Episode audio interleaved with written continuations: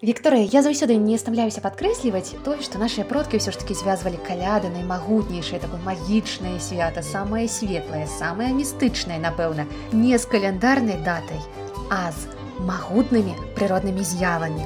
Так гэта зараз на стале ў кожнага з нас ёсць каляндар і мы можам беспамылкоўна вызначыць надыход новага году альбо нейкую дату календарную.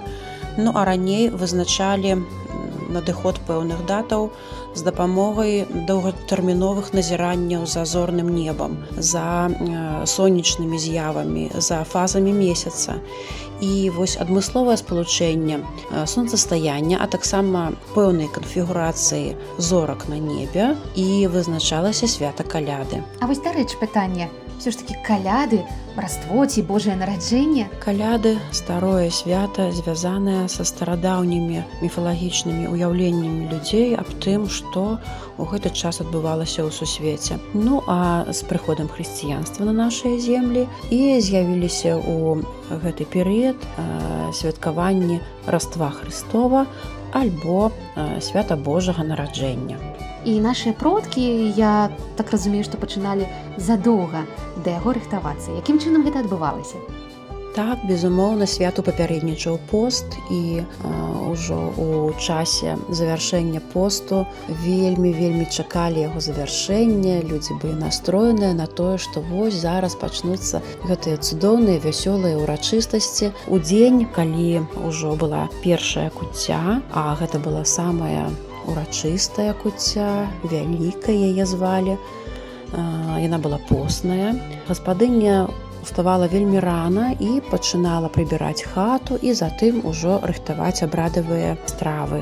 Уся сям'я ў гэты час была занятая сваімі таксама абавязкамі ну і безумоўна дзеці дапамагалі у працэсе падрыхтоўкі. Асабліва дапамагалі старэйшыя дзеці. Рыхтавалі пэўную колькасць страваў сярод якіх самай важнай самай сакральнай лічылі куццю на пачатку абрадавай вячэры першая лыжка куці належала продкам альбо марозу.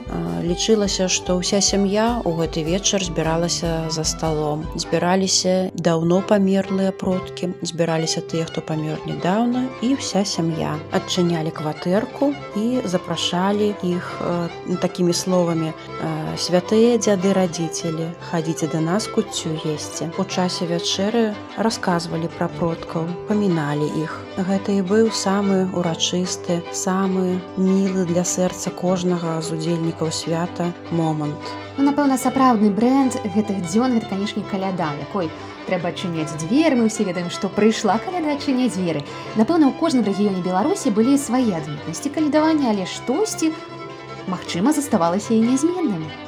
Так сапраўды у кожным рэгіёне былі свае адметнасці. Аднак можна сказаць, што у некаторых частках Беларусі абраду калядавання ну, не зафіксавалі навукоўцы, не ўзгадваюць аб гэтым зараз мясцовыя людзі, а расказваюць у асноўным аб тым, што былі зімою такія вось вячоркі, абрадавыя ігрышчы, калі збіралася моладзь вясковая у адной з хат і яны там танцавалі яны гулялі у разнастайныя гульні. І адной з такіх гульняў была жанітьба цярэшкі і яшчар ужо вышэй названыя але ў бальшыні рэгіёну беларусі сапраўды увасабленнем свята была калядная грамада з казою з зоркай яны паказвалі розныя цікавыя інтэрмеды прыносілі з сабою радасць і чаканне новай радасці новых падзеяў новага ўраджаю.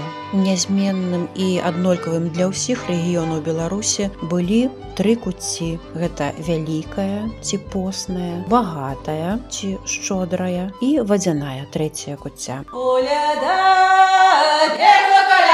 Пешком пешком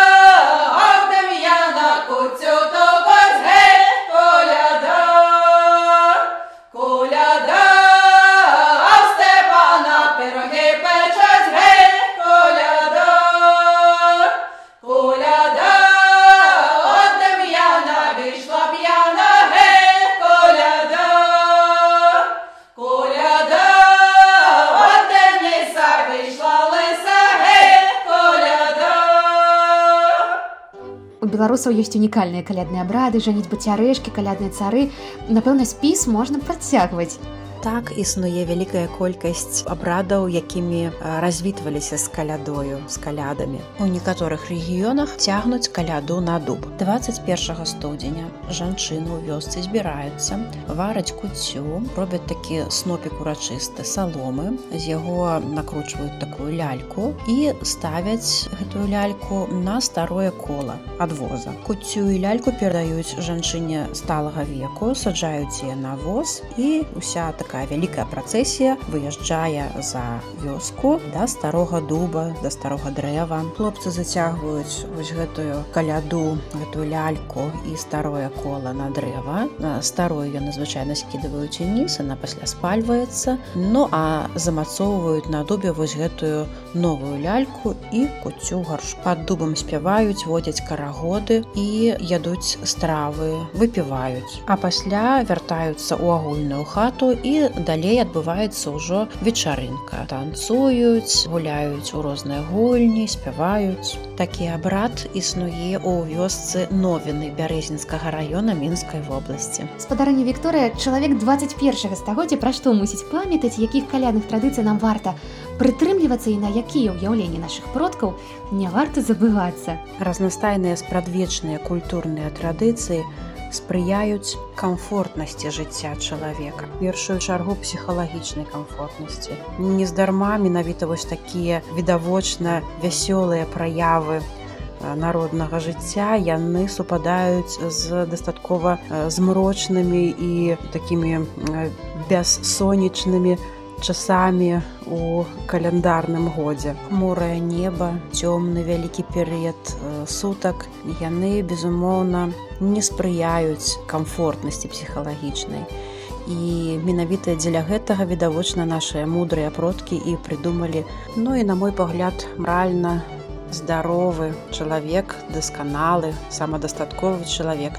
Ён у першую чаргу будзе цаніць сваё роднае звязанае са сваёй сям'ёю са сваім народам і са сваёй зямлёй спадчыну культурную у тым ліку. Я бы сказала все гэта трэба дзеля таго каб просто быць чалавекам. Ну і вось вось праваслаўныя вернікі будуць адзначаць свята Божага нараджэння аж да вадохрышча. Будуць працягвацца святкі таму канешне калядныя пажаданні. Плёну у жыцці і радасці а ў бягучым моманце безумоўна выніковасці паспяховасці рашучасці. І ўсё будзе добра